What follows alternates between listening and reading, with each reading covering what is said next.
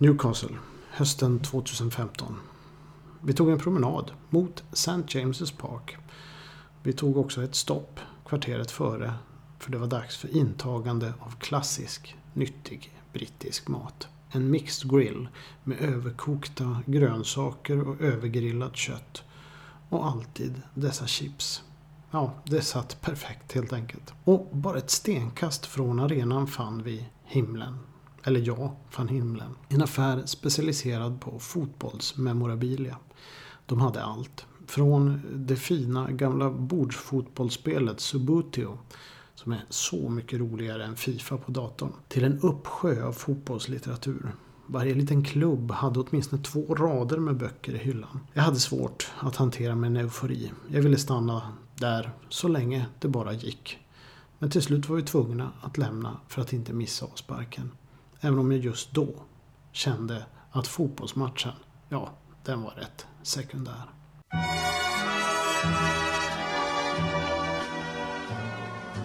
We'll meet again. Don't know where, don't know when, but I know we'll meet again some sunny day.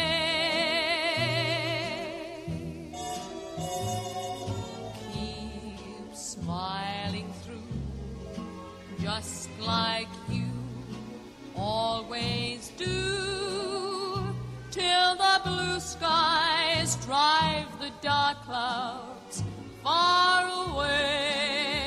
Min son envisades sedan med att köpa en boll strax innan match. Alla dessa jäkla bollar som man ska ha med på varje resa. Vi åker och tittar på engelsk fotboll tillsammans åtminstone en gång per år. Eller vi försöker en per år. Ibland blir det en gång varannat år. Men de är rätt jobbiga att ha med de där bollarna eftersom vi reser endast med handbagage. Och denna gång köpte han dock en liten sambaboll utanför St. James's Park. Vilken senare studsade överallt på hotellrummet då han på olika sätt försökte hitta svårare sätt att sätta bollen i papperskorgen. Medan jag försökte koncentrera mig på nyinköpet och den mycket lovande boken The Worst of Friends. En dramadokumentär, skildring av mak- maktkampen i Manchester City på 60 och 70-talet mellan dess två managers Joe Mercer och Malcolm Allison och styrelsen. En helt magisk bok egentligen. Sen är det ju alltid intressant hur mycket de överdriver eller inte. För det här är ju en sån här bok som ligger mellan fiction och roman. Men det spelar ingen roll. Det är alltid spännande. Jag försökte förklara att boken är mycket bättre än bollen om man ska ägna sig åt fotboll. Men jag talade för döva öron. Fotboll är ju, tycker jag, alltid bättre i fiktionen än i verkligheten. Framförallt är den roligare att beskåda än att spela. Planen är liksom för stor för att flänga runt för en i grunden rätt bekväm person som jag. Men matchen på St. James' Park den var faktiskt magisk den här hösten 2015. Newcastle drabbades av en Lidners knäpp och vann med 6-2 i en i övrigt rätt usel säsong. Och jag tror att det 47 000 på läktarna snarare var förvånade än något annat. Vi satt dessutom mitt på jättelike Milburn Stand. Stolarna var vadderade och det fanns benutrymme, magiskt benutrymme. Jag har aldrig suttit bättre i hela mitt liv. Till skillnad mot gamla Upper Balance på eh, Goodison där man alltid får dra in knäna lite för att få plats. För att inte tala om QPRs Loftus Road som är byggd för människor med korta ben. Man var ju kortare förr i världen och gamla arenor växer ju då inte i samma takt som befolkningen eller människorna i befolkningen. Det var ju rätt många herrar med keps där vi satt också, det noterade jag. Men eh, det är ändå häftigt med en sån stor arena som St. James's i kombination med passionen som brittiska fans kan uppvisa. Det ligger liksom ett kraftfullt sus, om det nu finns kraftfulla sus, hela tiden och flyter runt arenan. Ibland vibrerar det, ibland sjungs det och ibland exploderar det. Det är svårt att inte njuta av ett besök på så klassiska arenor. Och därför så tänkte jag ta fram det här minnet nu när jag ska prata om Newcastle United. Och eh, eftersom jag tyvärr inte kunde ha någon podd i förra veckan på grund av att jag var bortrest och helt enkelt inte hann få ihop det rent inspelningsmässigt. Så tänker jag bestraffa er med att göra en extra lång podd idag. Jag vet, det är kanske inte rättvist men ibland så är det svårt att sluta prata. Jag heter Per Malmqvist Stolt och ni lyssnar på Old School Football Podcast där jag ska prata om Premier League comebackande Newcastle United men bara om svunna tider och framförallt mindre framgångsrika sådana tider. Efter det i nordost så glada 50-talet som faktiskt var framgångsrikt. Men det hoppar vi över.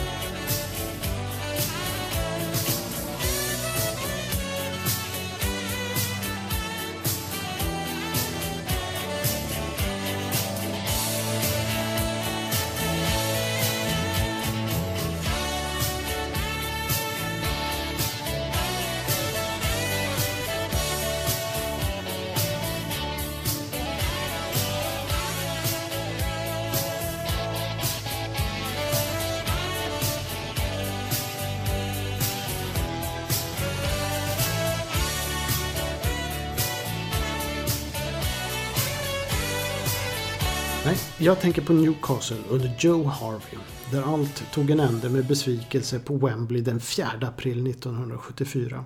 Fast ändå inte. Det skulle bli en kort fortsättning faktiskt, som dock definitivt stod, tog slut när Gordon Lee lämnade efter endast två år som manager och ersättaren Richard Dinnis inte lyckats utveckla laget efter femteplatsen 1976-77. Men hoppet, den tändes av en viss Joe Harvey. Joe Harvey är också Newcastles mästerlagkapten och ledde klubben till två raka FA-cupsegrar 1951 och 52 under Jack Milburn-tiden, den berömde centerforwarden. Jag tror Newcastle faktiskt tog tre fa Cup-titlar under 50-talet. Ärlighet och vad du ser är vad du får.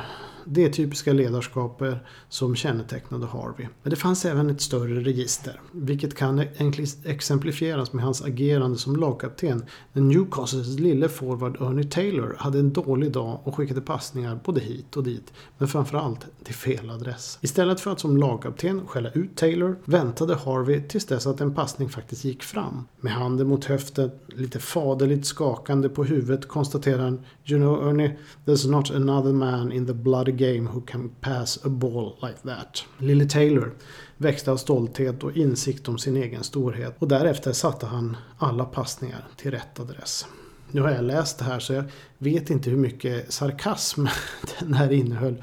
Men enligt författaren i alla fall så var det någon form av pedagogiskt eh, genialitet och inte sarkasm. Harvey nosade rätt på skicklighet hos sina spelare och kunde konsten att motivera. En egenskap som exempelvis den legendariska mannen Bill Shankly hade under 50-, 60 och 70-talet och han tog det till perfektion.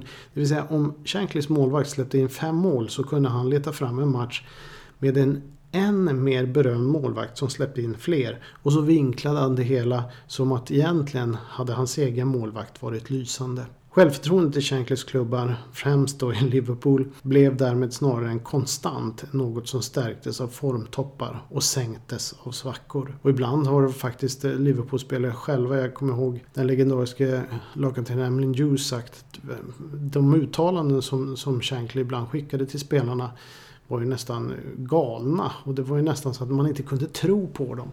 Men på något sätt så levererade han det här med en, karisma och en övertygelse som ändå, ja, ja, kanske det är så ändå. Ett sätt att motivera från The Great Motivator. Harvey då? Han tog över The Magpies 1961 och säsongen 64-65 tog han klubben till en seger i andra divisionen. Och 67-68 tog man sig till en tionde plats vilket märkligt nog ledde till spel i Intercities Fairs Cup eh, tack vare ett snårigt regelsystem.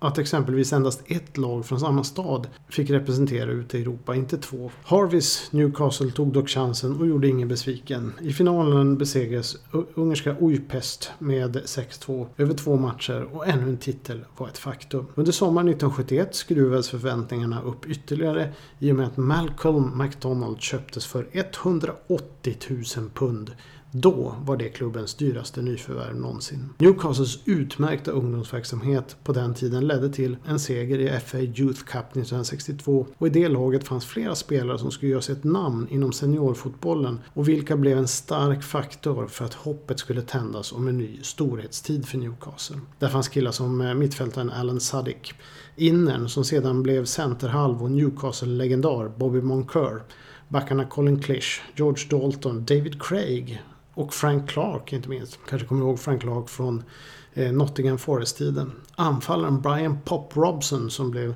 lite grann av en legendar han också. Framförallt kanske i West Ham United. Och yttern Jeff Allen. Under sina 13 år som manager värvade han även spelare som anfallaren John Tudor från Sheffield United. Malcolm McDonald då, för, som jag pratat om tidigare.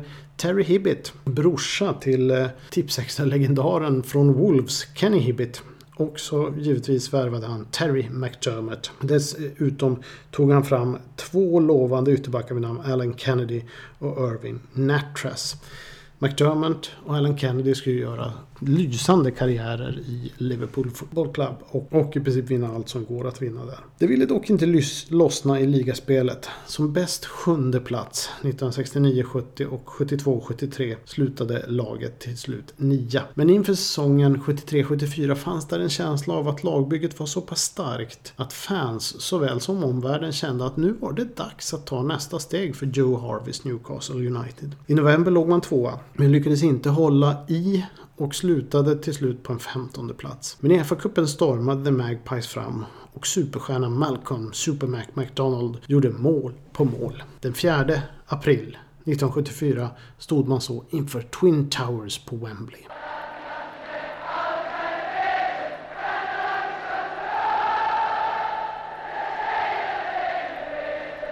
At the Football Association Challenge Cup final between Liverpool and Newcastle, they said two finals teams were never so friendly.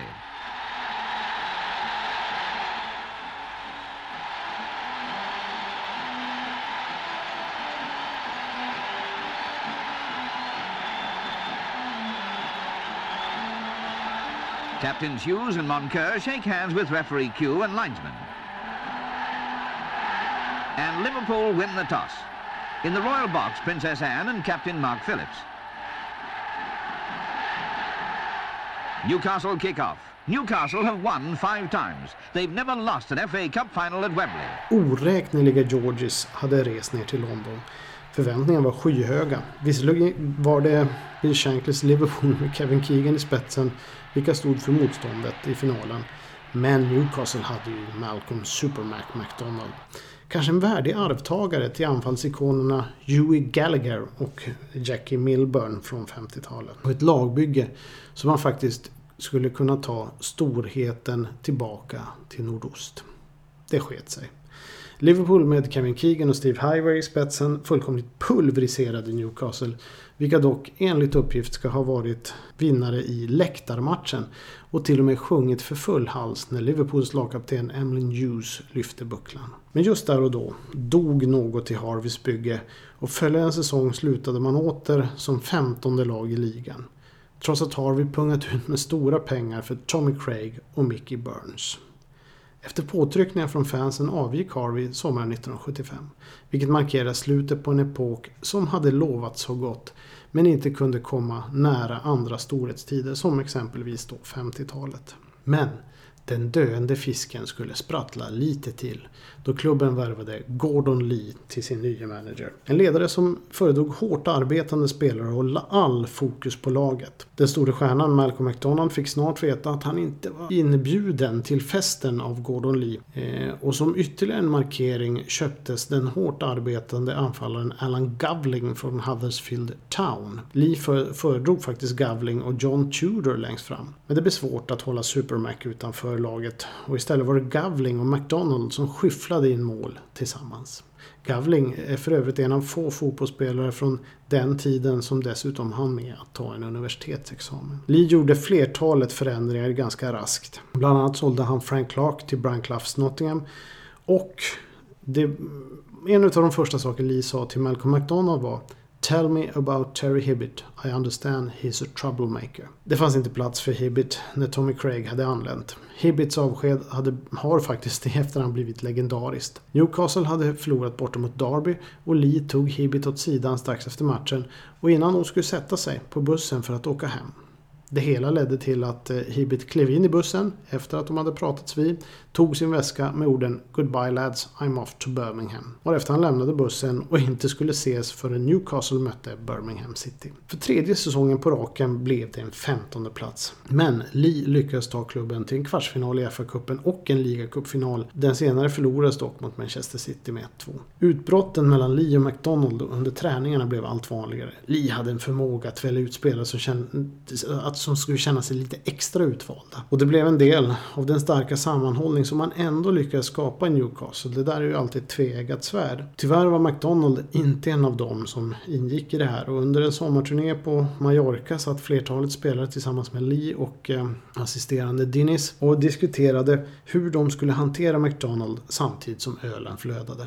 Alan Gavlin berättade att många spelare i laget ansåg att de fått stå i McDonalds skugga allt för länge men aldrig sagt någon. Däremot har ju alkoholen en förmåga att få spelare att prata. Superman drevs ut mot kylan. Sommaren 1976 såldes han till Arsenal för den något märkliga men höga summan på 333 333 pund. Faktiskt inte helt enligt McDonalds egen vilja. Följande sång blev dock inte så tokig och Newcastle slutade femma vilket ju var den bästa placeringen sedan 1951. Men det hela solkades av att Lee hastigt och mindre lustigt lämnade för Everton Football Club mitt under pågående säsong i januari 1977. Visst, relationen med fansen var kanske inte den bästa med tanke på Lees fokus att undvika storstjärnor, skapa ett strävsamt spelande lag och att han sålde Malcolm McDonald. Men det var ändå lite för snabbt och vid fel tidpunkt som han lämnade. Även om Lee hänvisades till familjeskäl för att flytta till Lancashire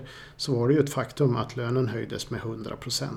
Visserligen lyckades eh, assisterande managern Richard Dinnis ro säsongen i hamn och nå femteplatsen. I det långa loppet var Dinnis en, dock tyvärr en mycket olämplig manager. Och redan säsongen därefter åkte Newcastle United ur högsta divisionen. Och nu var definitivt eran som lovat så mycket under Joe Harvey. Ja, den var över.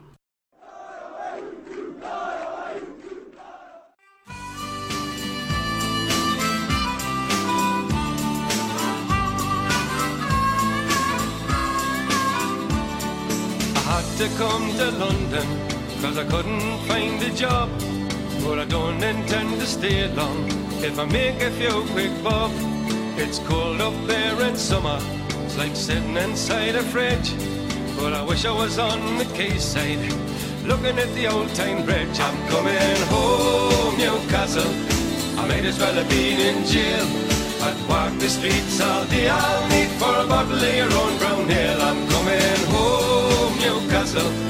If you never win the cup again, I'll brave the dark at St James's Park if the Gallagher end in the rain. I'm coming home.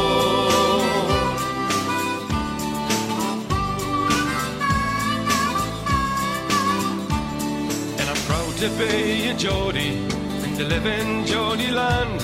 Some people think we're bawdy and we're hard to understand. And they say it's just self-pity and we're not so very tough.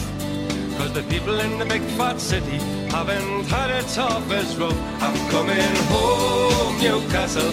You can keep your London wine. I'd walk the streets all day. I'll need for a bottle of the River Tyne. I'm coming home. Newcastle. I wish I'd never been away. I'd kiss the ground for the welcome sound and me mother saying, Henny, how I'm coming home.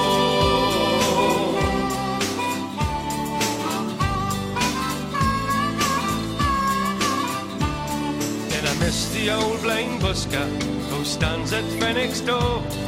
He plays a mean accordion. You've all seen him there before. And I love the Geordie heroes. There's so many famous names. Like Lindisfarne and Gaza, Brendan Foster and the Gateshead Games. I'm coming home, Newcastle. I might as well have been in jail. I'd walk the streets all day. I'll need for a bottle of your own brown ale. I'm coming home, Newcastle. If you never win the cup again, I'll brave the dark at St James's Park at the Gallagher's End in the rain. I'm coming home, Newcastle. You can keep your London wine. I'd walk the streets all day. I'll need for a bottle of the River Tyne. I'm coming home, Newcastle. I wish I'd never been away. I'd kiss the ground for the welcome sound of me mother saying, Henny, how we? I'm coming home, Newcastle. I might as well have been in jail. I'd walk the streets all day. I'll need for a bottle of your own brown ale. I'm coming home, Newcastle. If you never win the cup again, I'll brave the at St James's Park at the Gallagher's End in the rain. Arthur Cox. Det är Newcastle United för mig. En manager som lyckades locka självaste Kevin Keegan till The Magpies. Men som avgick när laget väl var uppe i högsta divisionen igen. För mig kulminerade allt 1982 i en tipsextra-match mot Alan Simonsens Charlton. Det kanske är en något märklig vurm för en manager som knappast åstadkom några stordåd och sedan begav sig till Derby County i dåvarande division 3 istället. Visserligen skulle han göra hyggligt ifrån sig i Derby mellan 1984 och 93 men det är som manager Newcastle åren 1980 till 1984 jag kommer att minnas honom. Arthur Cox. Eftersom det var under en period då jag slukade allt om engelsk fotboll, vilket var relativt snabbkonsumerat på den tiden. Idag är det svårt att sålla, då var det svårt att finna information. Men någonting var på gång i andra divisionen. Sedan några år var Newcastle ett notoriskt mittengäng i division 2 då. Men inför säsongen 82-83 presenterade då Cox ett nyförvärv som fick fotbollsvärlden att rikta sina blickar mot nordöstra England på ett sätt som minde om Malcolm Supermac McDonalds dagar ett decennium tidigare. Kevin Keegan var klar för Newcastle.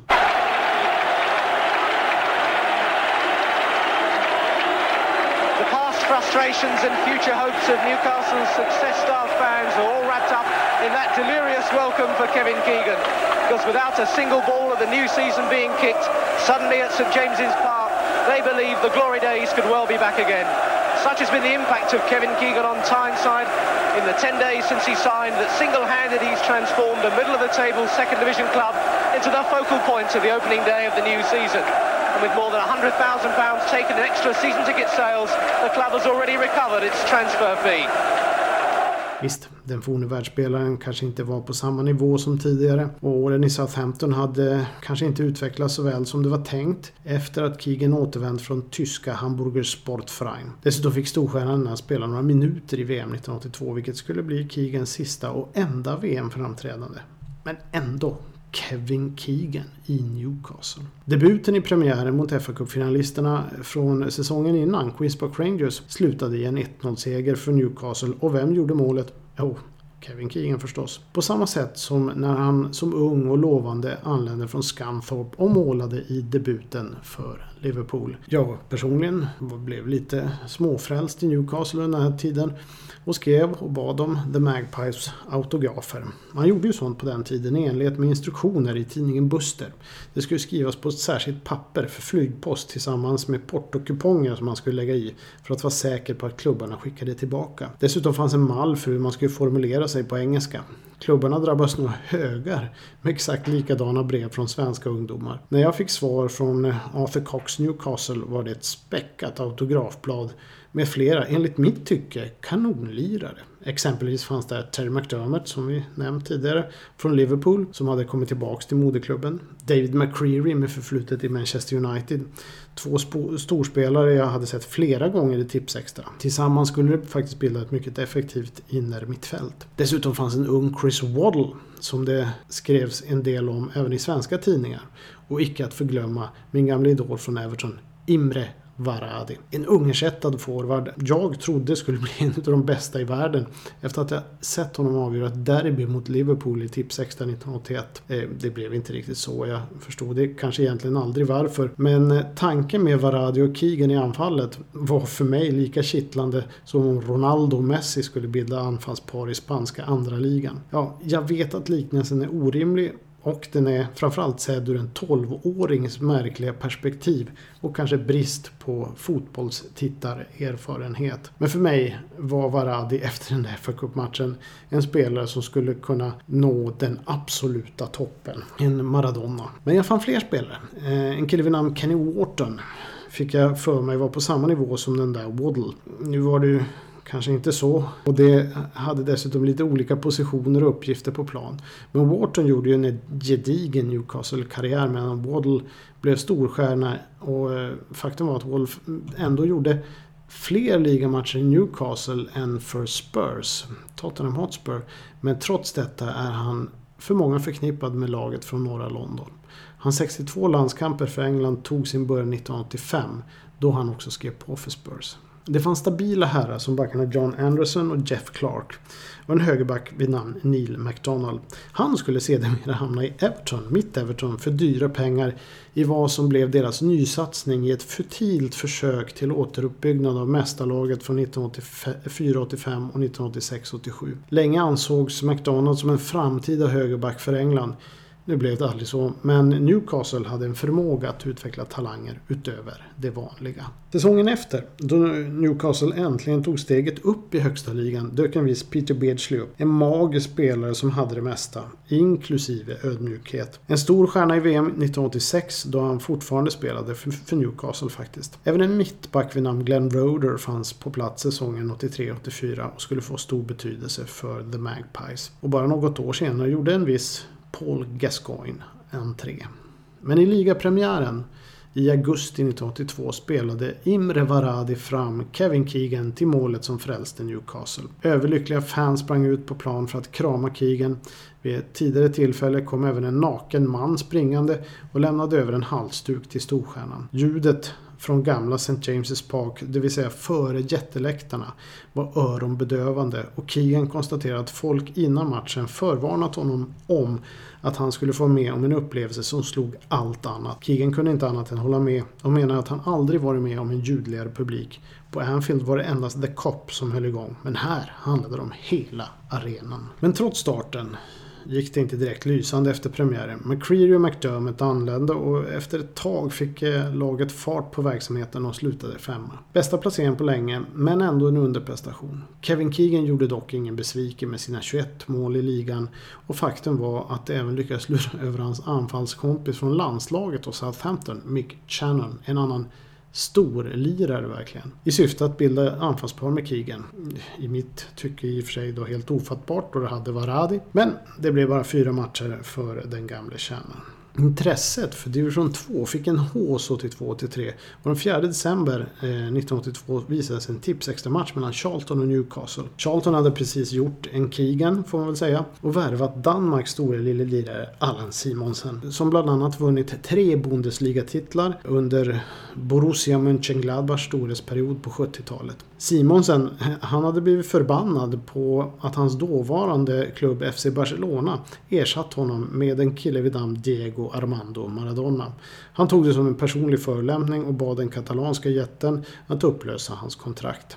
Tackade nej till Real Madrid och Tottenham och valde Charlton i division 2. Londonklubben skrapade ihop eh, det sista de hade för att få den store stjärnan.